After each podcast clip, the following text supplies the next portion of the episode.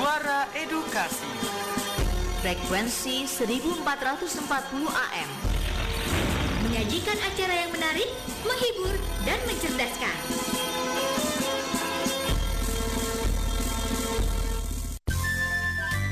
Waktu berputar dan perjalanan peristiwa pun berjalan. Ikuti terus info edukasi, sebuah informasi pendidikan dari Radio Edukasi. Info Edukasi, informasi pendidikan Radio Edukasi. Langsung dari Jalan RM Marta Dinata Ciputat 1440 AM, suara edukasi akrab dan mencerdaskan. Assalamualaikum warahmatullahi wabarakatuh Selamat siang sahabat edukasi Agung Ramadi di Info Edukasi hadir kembali Dan tentunya menyapa juga mengajak sahabat edukasi di luar sana Untuk sama-sama tetap taat protokol kesehatan Mematuhi 3M dengan menggunakan masker, mencuci tangan, menjaga jarak Agar kita semua terhindar dari paparan COVID-19 dan tentunya info edukasi akan terus hadir menemani sahabat edukasi di luar sana agar juga terus tetap menjaga imunitas yaitu dengan cara berbahagia. Baik, sahabat edukasi info edukasi hari ini akan hadir dengan informasi-informasi terkait Badan Bahasa yang baru saja meluncurkan UKBI adaptif di mana Mendikbud meluncurkan UKBI adaptif merdeka dan ada juga informasi terkait uh, Dirjen Dikti terkait gotong royong yang menjadi hilir riset perguruan tinggi dan tentunya kita akan juga menyapa teman-teman dan mengupdate informasi terkait dunia pendidikan di luar sana. Baik, info edukasi akan kita langsung saja simak informasinya sekarang. Info edu. Informasi pertama UKBI Adaptif 2021 Mendikbud meluncurkan UKB Adaptif Merdeka dan tentunya Menteri Pendidikan dan Kebudayaan Nadim Anwar Makarim meluncurkan uji kemahiran berbahasa Indonesia atau UKBI Adaptif Merdeka secara daring di Jumat 29 Januari 2021 dan juga Nadim dalam sambutannya menyebutkan Kemendikbud melalui Badan Pengembangan dan Pembinaan Bahasa sebagai unit utama memiliki komitmen yang tinggi dalam kemajuan bahasa dan kesusastraan. Lebih lengkap kita akan putarkan sambutan Menteri Pendidikan dan Kebudayaan Nadiem Anwar Makarim. Assalamualaikum warahmatullahi wabarakatuh. Shalom, Om Swastiastu, Namo Buddhaya, Salam Kebajikan, Rahayu. Kementerian Pendidikan dan Kebudayaan melalui Badan Pengembangan dan Pembinaan Bahasa sebagai unit utama memiliki komitmen yang, sangat tinggi dalam kemajuan bahasaan dan dan sastraan. Saat, Saat ini telah banyak dilakukan berbagai inovasi dalam hal pengembangan, pembinaan, dan, dan peningkatan si bahasa Indonesia yang diharapkan dapat bermuara pada layanan profesional di bidang bahasaan dan sastraan. Uji, Uji kemahiran berbahasa Indonesia atau, atau UKBI merupakan instrumen uji untuk, untuk mengukur kemahiran berbahasa Indonesia, penutur bahasa Indonesia. Melalui, Melalui usaha intensif dengan melibatkan serta uji coba sejumlah 2.190 dari seluruh Indonesia. Pada tahun 2020, Badan Pengembangan dan Pembinaan Bahasa telah mentakhirkan sistem UKBI seiring perkembangan pengetahuan dan teknologi hingga menghasilkan sistem uji UKBI adaptif.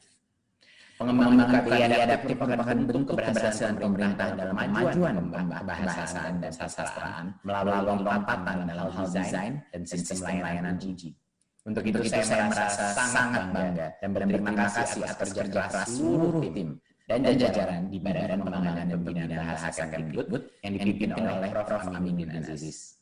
Harapan saya UKBI adaptif ini bisa memberikan dampak yang positif kepada penutur bahasa Indonesia. Dari berbagai kalangan dalam meningkatkan aspirasi dalam memahami dan mempelajari bahasa Indonesia, menghasilkan berbagai karya tulis dan digital berbahasa Indonesia. Juga melibatkan diri dan berpartisipasi aktif dalam membawa bahasa Indonesia ke kancah internasional. Untuk itu, dengan mengucapkan Bismillahirrahmanirrahim, dengan ini UKBI versi terbaru dengan nama UKBI Adaptif Merdeka secara resmi saya luncurkan. Wassalamualaikum warahmatullahi wabarakatuh. Lebih lanjut eh, Kepala Badan Bahasa atau Badan Pengembangan dan Pembinaan Bahasa Endang Aminuddin Aziz mengatakan UKBI banyak mengalami perkembangan dengan format isi dan model penyelenggaraannya pun sejak digagas di tahun 1990-an. Kepala Badan Bahasa Endang Aminuddin menyebutkan di rentang tersebut UKBI mengalami banyak perubahan mulai dari format, isi, dan model penyelenggaraannya, mulai dari berbasis kertas hingga internet ataupun daring. Akan tetapi revolusi UKBI baru terjadi dalam enam bulan terakhir, yakni dari Agustus 2020 yang mana diubah format, isi, dan metode penyelenggaraannya. UKBI ditetapkan sebagai instrumen standar kemahiran bahasa Indonesia di 2003 di 2011 UKBI mendapatkan hak cipta dari Kemenkumham. Lalu juga Aminuddin menambahkan dengan UKBI adaptif ini diselenggarakan secara daring diharapkan dapat menjangkau lebih banyak penutur bahasa Indonesia, profesional, pelajar asing dan lainnya yang memang selama ini banyak pelajar asing kesulitan mengikuti UKBI karena harus mengikuti satu paket uji lengkap yang uh, tidak sesuai dengan kemahirannya, namun hal itu membuat unsur uh, jadi lebih meningkatkan uh, badan bahasa Indonesia kita. Oke, masih ada informasi pendidikan lainnya, jangan ke mana-mana. Info edukasi akan kembali setelah yang satu ini.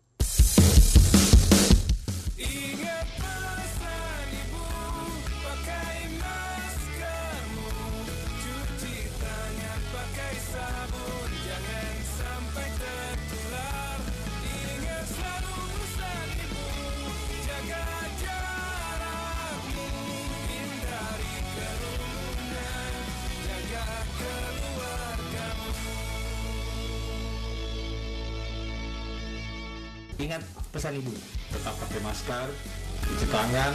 Kita semua harus kompak, harus tetap semangat untuk memutus mata rantai COVID-19.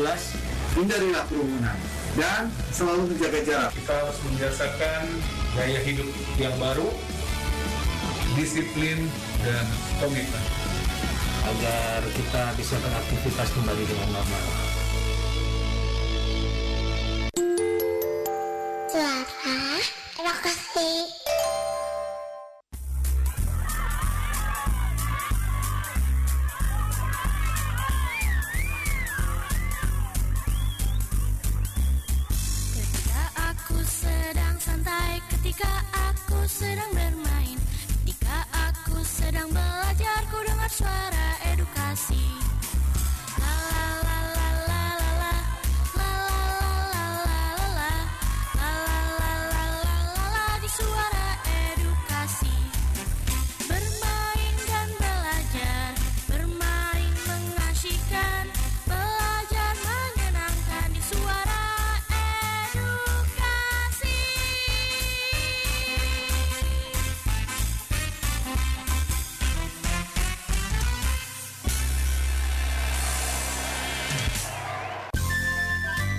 Waktu berputar dan perjalanan peristiwa pun berjalan.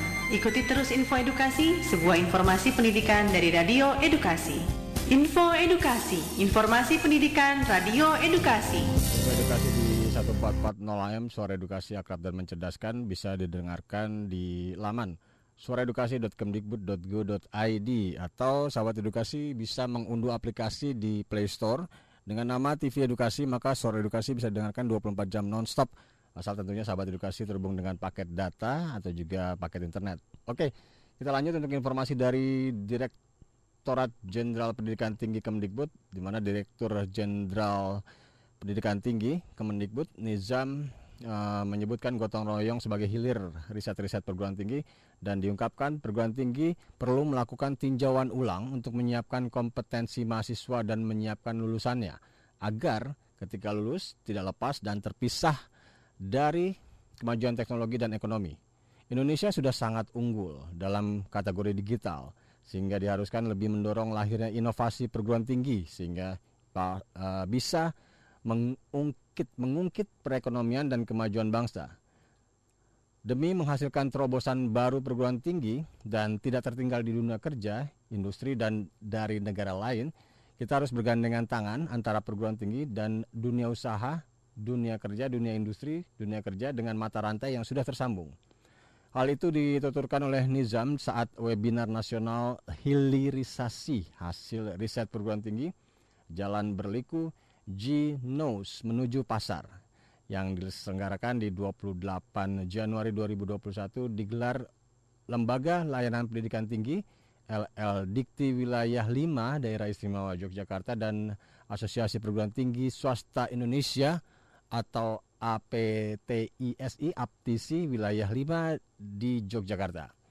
Nizam juga menambahkan untuk uh, bisnis di perguruan tinggi berbasis beberapa hal, yaitu Tridharma dengan sinergi, kolaborasi kerjasama antara perguruan tinggi dengan dunia kerja dan industri untuk pendidikan dan penelitian yang sesuai dengan dunia kerja. Hal itu disikapi oleh Direktorat Jenderal Pendidikan Tinggi Kementerian Pendidikan dan Kebudayaan dengan menyediakan skema pendanaan hilirisasi penelitian. Tingkat kesiapan teknologi atau TKT kurang lebih uh, lebih besar di lima perguruan tinggi melalui kedai reka yang merupakan ekosistem reka cipta dalam membangun bangsa. Nizam juga menambahkan kedai reka dan kampus merdeka mampu membantu sebagai tempat atau wadah pelatihan untuk perguruan tinggi dengan kinerja utamanya yang sudah ditetapkan dan akan dipertemukan dengan dunia industri. Uh, UGM yang sudah memiliki Science Technopark atau juga STP Science Technopark dan melahirkan Ginos ini bisa menjadi pintu untuk membantu hilirisasi perguruan tinggi lain di lingkungan Aptisi 5. Dan senada dengan Nizam, Direktur Pengembangan Usaha dan Inkubasi UGM, Hargo Utomo mengatakan akademisi, peneliti, dan industri harus berusaha bergotong royong agar semua inovasi dapat terhilirisasi karena dari ratusan hasil riset inovasi penelitian tidak semua dapat terhilirisasi. Hanya beberapa hak paten yang dapat terhilirisasi di pasar dengan biaya pendanaan hingga ratusan miliar. Baik, sahabat edukasi akan hadir informasi pendidikan lainnya. Jangan ke mana-mana, suara edukasi akan kembali setelah yang satu ini. Ini mbak uangnya. Terima kasih, ini kembalinya 500 rupiah. Eh mbak, nggak usah pakai kantong plastik deh. Oh iya, terima kasih sudah belanja di toko kami. Iya, sama-sama. Kak, kenapa sih? Kok kamu nggak mau pakai kantong plastik? Ya, biar nggak nambahin sampah aja.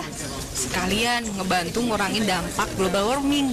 Loh, apa hubungannya kantong plastik sama global warming? Karena banyak plastik yang nggak bisa terurai. Kalaupun terurai, membutuhkan waktu yang lama banget. Bahkan sampai ratusan tahun agar plastik itu bisa terurai dalam tanah. Ya, biar lebih cepat terurai, bakar aja. Nah, itu dia. Ternyata pembakaran sampah plastik justru membuatnya semakin berbahaya tahu. Bahaya gimana? Karena jika dibakar, sampah plastik akan menghasilkan asap beracun. Dampaknya antara lain nih bisa memicu penyakit kanker, hepatitis, membekakkan hati, gangguan sistem saraf, dan memicu depresi. Ih, seram. Nah, makanya dong, kurangi penggunaan kantong plastik sekarang juga dan gunakan tas kain setiap kali berbelanja. Jika hanya membeli sedikit, masukin aja barang belanjaannya ke dalam tas. Lebih praktis dan lebih sehat, kan? Nah, sahabat edukasi, banyak hal yang bisa kita lakukan untuk menyelamatkan bumi kita. Salah satu caranya adalah dengan mengurangi penggunaan kantong plastik. Yuk, kita mulai dari hal yang kecil, mulai dari diri sendiri, dan mulai dari sekarang.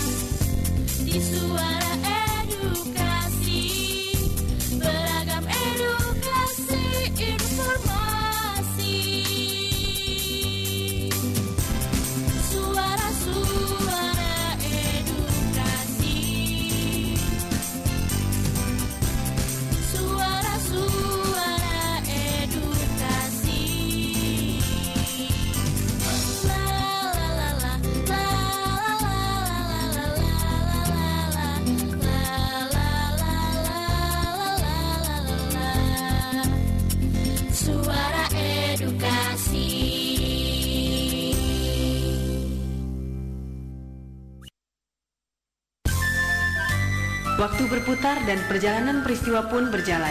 Ikuti terus info edukasi, sebuah informasi pendidikan dari Radio Edukasi. Info Edukasi, informasi pendidikan Radio Edukasi.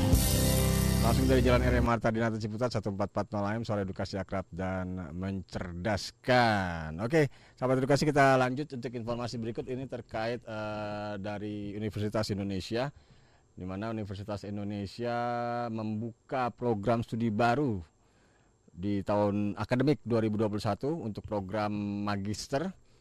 Dan ini uh, sekolah ilmu lingkungan di mana ada prodi ya prodi ini atau atau fakultas ya manajemen bencana. Lalu juga ada fakultas ada fakultas matematika dan di fakultas matematika dan ilmu pengetahuan alam ada fisika medis.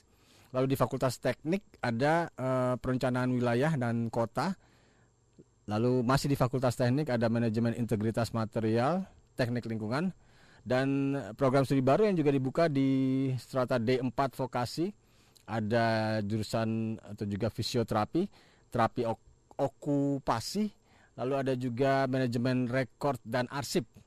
Bisnis kreatif juga dibuka di D4 vokasinya, lalu ada di produksi media juga ada di D4 vokasi dan terakhir di D4 vokasi yang dibuka studi barunya ada manajemen bisnis pariwisata. Dan di S1 paralel ada jurusan yang dibuka yaitu teknik perkapalan, teknik komputer, arsitektur interior. Dan memang Universitas Indonesia ini membuka 14 program studi baru di penerimaan mahasiswa baru tahun ajaran, eh, maaf tahun akademik 2021 untuk program pendidikan vokasi, sarjana paralel dan program magister. Jadi eh, catat dan simak program studi baru di Universitas Indonesia 2021 dan juga bisa mungkin membuka laman atau juga web dari Universitas Indonesia terkait program studi baru tersebut. Suara.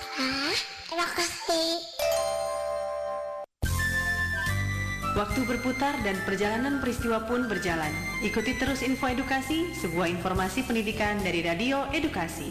Info Edukasi, informasi pendidikan Radio Edukasi. Langsung dari Jalan RE Marta Dinata Ciputat.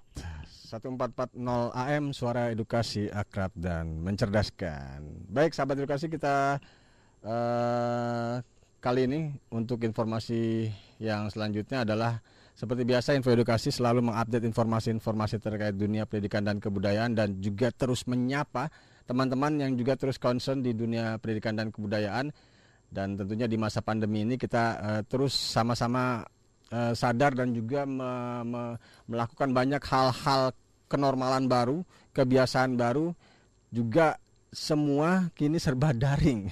Nah, untuk mengupdate informasi-informasi tersebut, uh, Suara Edukasi, Info Edukasi tentunya juga terus uh, sering menghubungi teman-teman. Kali ini Agung Ramadi di Info Edukasi akan menghubungi teman yang nun jauh di sana berbeda benua di sana jam berapa kita akan menyapa langsung uh, teman uh, Hamidah halo Kak Mida assalamualaikum selamat halo. selamat siang di sini Waalaikumsalam warahmatullahi wabarakatuh selamat pagi selamat subuh waktu UK waktu oh, Inggris pagi di sana uh, pagi jam 6 pagi 6.20 masih subuh ini. Kebetulan. Masih subuh ya, masih sepi jalanan. Karena, uh, masih sepi, masih masih es di aspalnya.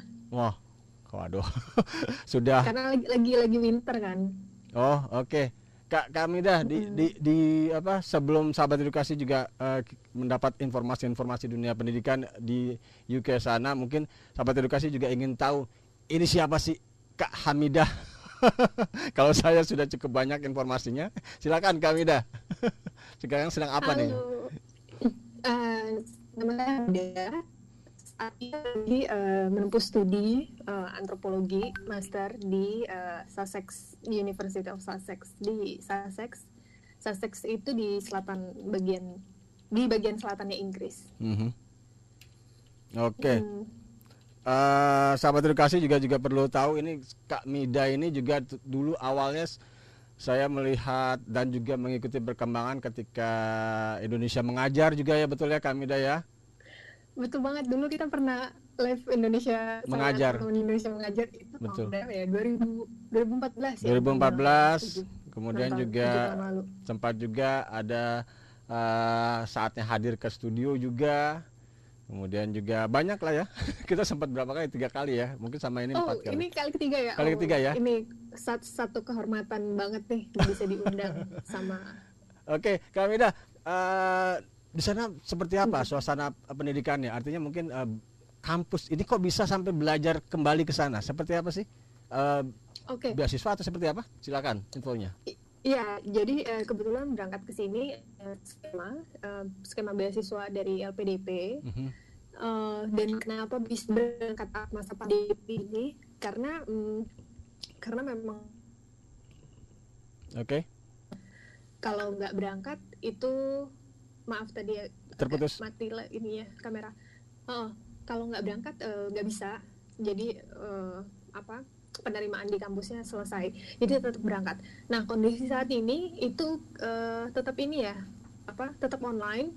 Jadi jauh mungkin ada beberapa ya walaupun nggak penuhnya online. Jadi pas datang ke sini pertama em, uh, pembelajaran itu mix online dan uh, offline, Hadir. daring maksudnya. Hmm. Iya. Tapi uh, setelah karena kasus di UK Cukup tinggi ya. di Inggris bagian selatan ini gitu ini meningkat, jadinya semuanya didaringkan. Daringkan. Tuh. Oke. Eh, dari dari dari bulan-bulan apa mulai hadir atau sampai di di, di UK? Dari September. Dari September ya? tahun lalu. Oke, artinya eh, saya ingin melihat sebuah apa ya namanya progres progres eh, yang berhubungan dengan masa-masa pandemi dunia pendidikan di sana Eh, seperti apa? Apa hmm, pernah nggak saat hadir eh, ke kampus itu seperti apa suasananya? Kalau di kampus sendiri, eh, mungkin sebenarnya kondisinya bisa dibilang eh, ada beberapa mahasiswa yang mendapatkan studi kan. Tapi karena niat saya ke sini memang mu- mungkin banyak yang ya Kak, kita harus memanfaatkan juga kalau studi ke luar negeri untuk berinteraksi dan berjejaring gitu. Mhm. Tapi karena intensi saya studi ya gitu, jadi udah berapa bulan pun di sini. Kalau ditanya udah ke mana aja di Inggris, Hmm, belum. Belum. Jadi, saya mengeksplor karena di, kebetulan saya tinggal di tengah taman nasional. Jadinya di sini pun karena karena dapat satu privilege tinggal di tengah taman nasional ini jadi Mhm. banyak banyak sekali yang bisa dieksplor di sini gitu. Hmm. nggak perlu harus sampai ke Manchester atau Oxford atau London gitu. Satu karena kondisi pandemi dan datang ke sini dengan penuh kesadaran kalau da- datang ke sini eh, dalam kondisi pandemi Mhm. dan ruang gerak pun terbatas gitu Iya, betul, sehingga betul. apa yang bisa dimanfaatkan adalah hal-hal yang eh, melalui online gitu dan dan ada banyak yang misalnya me- Wow. kok udah jauh-jauh datang ke sana terus kuliahnya online, gitu Online, betul. Mm-mm. Enggak juga sebenarnya karena ada ada sesuatu oke me- memang di satu sisi keterbatasan Oke. em, apa perjumpaan ketem- pertemuan fisik memang jadi terbatas gitu tapi kan ada karena di Inggris sinyal lebih stabil ya Alhamdulillah. Oke. Mm-mm. bagian penting jadi sinyal lebih stabil jadinya saya bisa memanfaatkan ketimbang waktu dulu masih di Indonesia mengajar Oke. dan pekerjaan-pekerjaan yang berhubungan dengan dunia Oke, pendidikan oke, kami sedikit mundur lagi dan juga ada, ada sebuah eh, pertanyaan di, di, di, di, di benak saya terkait apa namanya pengalaman pengalaman Kak Mida di dunia pendidikan. Ini eh, kenapa mengambil jurusan yang sekarang ini antropol apa ya? Apa tadi antropologi betul ya? ya antropologi ya betul Nah, a- akan ada arah ke mana concernnya si apa di, di, di keinginan Kak Mida sendiri sebenarnya? Kenapa kebetulan jadi- kan eh, kebetulan punya atensi khusus eh, terkait pendidikan komunitas Mhm, pendidikan mhm. komunitas lebih tepatnya komunitas pesisir ya masyarakat pesisir dan di dalam pesisir banyak aspek yang bisa dilihat salah satunya adalah pendidikan gitu dan kalau dibilang apakah saya punya jam kerja yang panjang di pendidikan sebenarnya teman-teman Indonesia mengajar yang setelah Indonesia mengajar itu ada banyak yang lebih konsisten gitu Mhm. atau bukan hanya Indonesia mengajar teman-teman yang lain ada banyak Betul, yang lebih betul. konsisten Betul. tapi di saya un- menggeluti isu pendidikan ini bukan sekedar profesi gitu Betul. tapi lebih banyak volunteering gitu jadi saya katakan saya kerja yang nggak berhubungan dengan pendidikan Hmm. misalnya di bidang mm, evaluasi program gitu Mhm. tapi saya tetap eh, apa bekerja sama dengan teman-teman yang misalnya membutuhkan donasi Hmm. eh, buku ke daerah-daerah. Waktu itu skema yang buku yang via pos belum ada tuh. Ah. jadi mengordinir melalui ekspedisi Nah, ekspedisi ekspedisi, ekspedisi, penjajakan betul. aja. Mm-mm. Nah, kenapa ngambil antropologi? Karena eh, melihat pendidikan dari antropologi mungkin udah banyak ya, tapi mencari celah yang bisa disisipi oleh saya sendiri gitu di pesisir dan terutamanya pesisir-pesisir terluar, masyarakat terluar Oke. yang mungkin diasumsikan kondisi sosial, ekonomi, geografis, budaya dan lain-lain itu sangat berbeda dengan pesisir yang bukan pesisir terluar. Oke, oke. Kak kami dah eh, sebelum kita tutup, eh, sebelum kita closing di info edukasi hari ini sebagai apa informasi kira-kira nih eh, apa yang apa yang akan diambil oleh-olehnya nanti ketika ketika eh, akan buat apa nih kami dari sana dan tentunya sebagai closing statementnya sekaligus deh nih pesan-pesannya untuk eh, teman-teman sahabat edukasi di luar sana baik siswa guru yang juga tentunya sama-sama mengalami masa pandemi eh, sama seperti di UK juga ya benar ya? Sama juga ya? Iya. dan tentunya apa yang bisa jadi semangat untuk untuk teman-teman di dunia pendidikan di luar sana? Silakan kami dah. Sekaligus aja deh sekarang sekaligus closing statement. Oke, makasih bang banyak loh. Eh, terus kembali nanti eh, sebenarnya pengen bikin udah dulu ya sebelum kuliah juga komunitas dan menjejaringkan teman-teman yang ada di di dalamnya dan kita bikin satu satu project-project bersama gitu. Eh, ya intinya hanya menghubungkan apa eksistensi eh, teman-teman yang udah ada dari dan gitu sehingga bisa kita bisa garap sesuatu bersama untuk uh, untuk teman-teman yang ada di daerah-daerah yang uh, di daerah-daerah yang sukar dijangkau oleh transportasi gitu. Saya nggak mau bilang daerah tertinggal ya atau betul terluar gitu kan. banyak yang sudah ber- beralih menyebutkannya Bu- bu- bukan karena masalah itu, tapi karena saya Ya. melihat sendiri daerah terluar itu uh, jauh dari konotasi tertinggal gitu. Gimana mau tertinggal orang mereka liburannya aja ke uh, Malaysia gitu ke luar negeri atau ke Singapura karena mereka berbatasan dengan negara-negara lain gitu. Um, terus yang untuk teman-teman yang menjalani daring, saya paham banget ini screen fatigue-nya luar biasa, mata lelah, terus macam-macam lah uh, hambatannya gitu. Apalagi udah jauh-jauh ke sini kan, ah, cuma numpang tidur doang di sini gitu. Ternyata seperti itu gitu. Ternyata em, iya itu nggak bisa dibilang salah, itu benar gitu. Tapi ada ada banyak yang bisa dicari dan dalam aktivitas menari yang bisa diuntungkan. Misalnya kalau dalam antropologi eh, digital digital etnografi di mana eh, itu jadi karena karena covid kan, jadi saya bisa mengambil keuntungan gitu. Nah celah-celah itu yang bisa banget untuk dikeruk sama teman-teman yang sedang online gitu. Tapi jangan lupa kesehatan mata itu penting banget Betul. karena selama daring mm, secara pribadi kesehatan mata saya jadi jadi kering gitu. Iya. tapi syukurnya itu nggak berdampak pada kacamatanya berganti kelihatannya lebih tebal ya. Tapi itu manfaatkan segala yang Iya. bisa diambil dari si online online ini gitu. Kayak misalnya bisa berjejaring dengan uh, webinar-webinar yang ada gitu kan. Lebih Uh, mudah tanpa juga ya harus sekarang ya. Betul betul banget. Tanpa harus menyampaikan misalnya uh, siswa gitu. Tanpa harus menyampaikan prioritas tapi dengan misalnya uh, kita hadir di webinar terus itu ada ada seseorang di situ tokoh gitu. Terus kita ikut kita bisa dapat komennya gitu. Nggak harus nggak harus digunakan nanti itu juga tapi kan nantinya betul. itu bisa. Masih ada di tahun-tahun Seni ke berje- belakang sepertinya eh, kita baru bisa memetik ya bukan sesuatu yang Mm-mm. instan. Oke. Ya seni berjejaring yang uh, jangan jangan cuma dijaring doang tapi Nah, juga di maintain betul, nih di-maintain. hasil hasil Oke. menjaringnya Oke, oke, Kak Kak Hamidah, eh, Hamidah, kalau nggak salah saya ingat Syahaan betul ya, Hamidah Syahaan. Iya. Jadi kadang-kadang suka suka Mida mi- kan lebih lebih karena terlalu akrab kali ya Mida Mide Mide Mide. Oke, Kak Kak Hamidah, sukses terus untuk studinya. Untuk apa Uh-uh. namanya untuk Terima mimpi-mimpinya. Lain kali kita ngobrol-ngobrol bahkan Amin. sekembalinya. Kapan kembali rencananya? Kalau dari apa akademik ya? Eh, Sep- September atau Agustus Oh. eh, Oktober ini udah udah kembali tapi kan saya punya riset di Indonesia Betul. jadi mungkin akan kembali lebih awal Oke, gitu. siap, siap, siap. Jangan lupa oleh-oleh Terima ilmunya kasih ya. banyak. Iya, pasti. Eh, ini, ini juga membagikan apa eh, bahan kuliah yang bisa disirkulasi. Jadi saya punya bahan kuliah. Terus apa kalau ada teman-teman misalnya yang butuh gitu dan itu bisa diedarkan, maksudnya legal gitu. Siap. Itu silakan dimanfaatkan gitu. Oke. Terima kasih banyak Suara Edukasi sudah diundang untuk kali ketiga. Sama-sama, terima kasih Terus. juga, sukses terus. Salam untuk teman-teman sana dan juga untuk Hamidah terutama. Jaga kesehatan, ya. Jaga kesehatan juga. Terima kasih. Oke, wassalamualaikum warahmatullahi wabarakatuh.